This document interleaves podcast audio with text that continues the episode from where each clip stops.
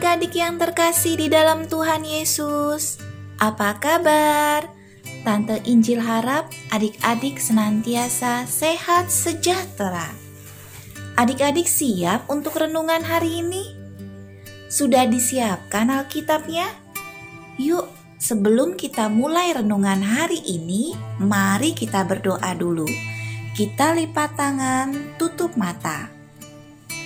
Tuhan Yesus yang baik, terima kasih karena kasih-Mu saja ya Tuhan Yesus kami boleh bertemu kembali hari ini untuk renungan hari ini. Kiranya Tuhan Yesus hadir dan menyertai kami sehingga kami boleh lebih memahami firman Tuhan. Terima kasih Tuhan Yesus yang baik. Amin. Adik-adik, mari kita buka Alkitab kita. Renungan hari ini diambil dari Kisah Para Rasul 5 ayat 14. Dibuka Alkitabnya. Kita cari Kisah Para Rasul 5 ayat 14. Sudah dapat?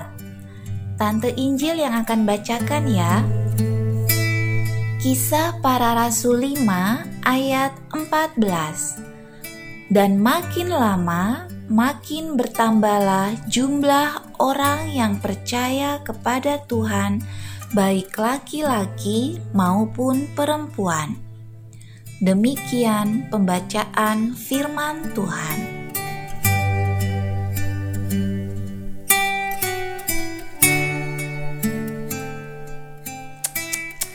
Wah, wah, sungguh luar biasa! Apa sih kak yang luar biasa? Sini-sini, kakak akan ceritakan. Keren ini, kakak baru baca kisah para rasul. Setelah pencurahan roh kudus, mereka semakin semangat memberitakan firman Tuhan. Terus-terus yang percaya semakin banyak. Terus-terus banyak mukjizat terjadi. Orang-orang sakit kena bayangan Petrus saja bisa sembuh. Wih, keren banget sih. Eh, ada lagi yang diganggu roh jahat juga disembuhkan. Luar biasa kan? Ah, gak mungkin. Masa mereka bisa berbuat seperti itu? Mereka kan hanya nelayan biasa, Kak. Aku tidak percaya tuh. Bisa, Nak. Kenapa bisa, Ma? Kok murid-murid Tuhan Yesus bisa melakukan hal-hal yang ajaib begitu? Bisa dong, karena Roh Kudus yang bekerja melalui mereka. Kalian ingat tidak janji Tuhan Yesus sebelum naik ke surga? Tuhan akan memberikan penolong yang lain, yaitu Roh Kudus. Murid-muridnya jadi lebih berani memberitakan firman karena pimpinan Roh Kudus. Dan tanda-tanda mujizat terjadi karena kuasa Roh Kudus. Kalau sekarang bagaimana, Ma? Sekarang pun Roh Kudus masih terus bekerja. Contohnya, kalian berani menceritakan tentang Tuhan Yesus kepada orang lain kalian mengingatkan teman agar berdoa, membaca Alkitab, berkata-kata yang baik, membantu sesama yang kesulitan, mendapatkan mujizat kesembuhan, dan masih banyak lagi. Jadi, baik dulu maupun sekarang, Roh Kudus akan terus bekerja dan menemani setiap orang percaya ya, Ma? Iya, Nak. Nah, kamu dengar tuh Bintang. Kamu percaya kan kalau Roh Kudus yang memimpin murid-murid Tuhan Yesus dulu dan kita sekarang?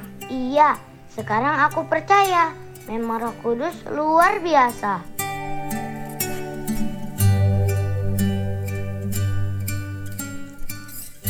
Nah, adik-adik, kita juga harus percaya bahwa Roh Kudus senantiasa menemani kita dari dulu, sekarang, dan untuk selama-lamanya. Sekian renungan hari ini. Mari kita tutup dengan doa.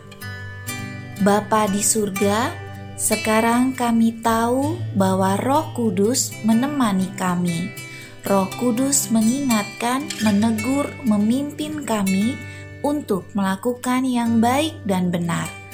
Roh Kudus tetap sama dulu, sekarang, dan nanti. Terima kasih untuk Roh Kudus, dalam nama Tuhan Yesus. Amin. Sampai jumpa, adik-adik. Tetap jaga kesehatan dan jangan lupa berdoa.